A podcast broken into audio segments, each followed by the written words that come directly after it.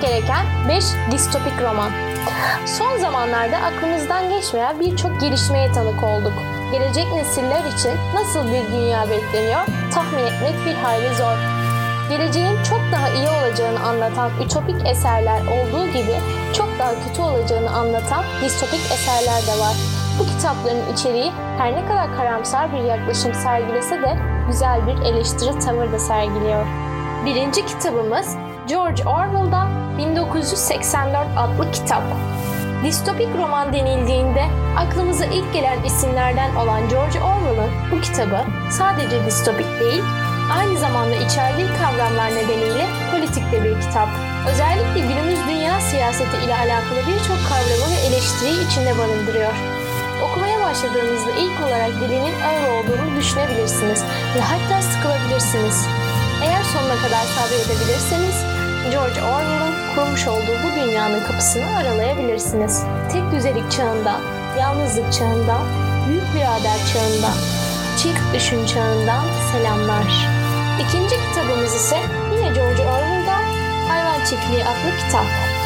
Bir başka George Orwell klasiği ile devam ediyoruz listemize. Kitabın inceliği sizi yanıltmasın. 1945 yılında yayınlanan bu eser Fable türünde bir hava hissettirse de hayvanlar üzerinden resmedilen insan gerçeğini çok güçlü bir şekilde yansıtıyor. Aynı zamanda günümüz insan ilişkilerine ve sistemine de ışık tutuyor. Bütün hayvanlar eşittir ama bazı hayvanlar öbürlerinden daha eşittir.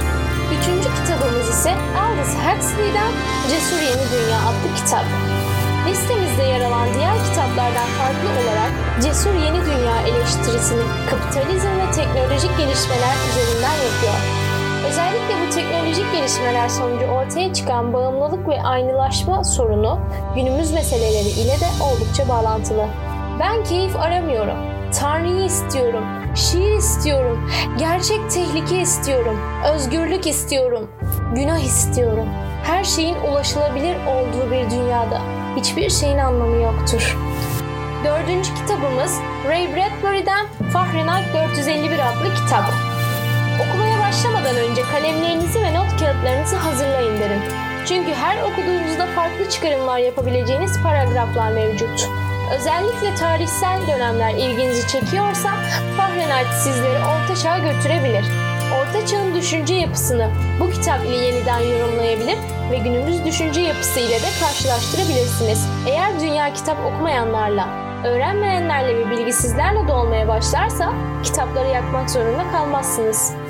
Beşinci kitabımız olan Yevgeni Zamyatin'den Biz adlı kitaba geçiyoruz. Listemizin son kitabı Rus yazar Yevgeni Zamyatin'e ait.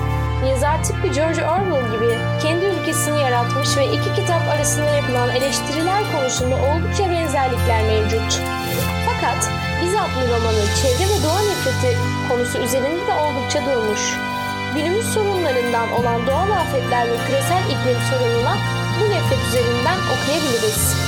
Onlara iki seçenek sunulmuştu. Özgürlükten yoksun mutluluk veya mutluluktan yoksun özgürlük. O kadar. Avanaklar özgürlüğü seçti. Ya sonra? Sonra çağlar boyunca zincirlerini özlediler. Dünya bu yüzden böyle sıklanmıyor musun?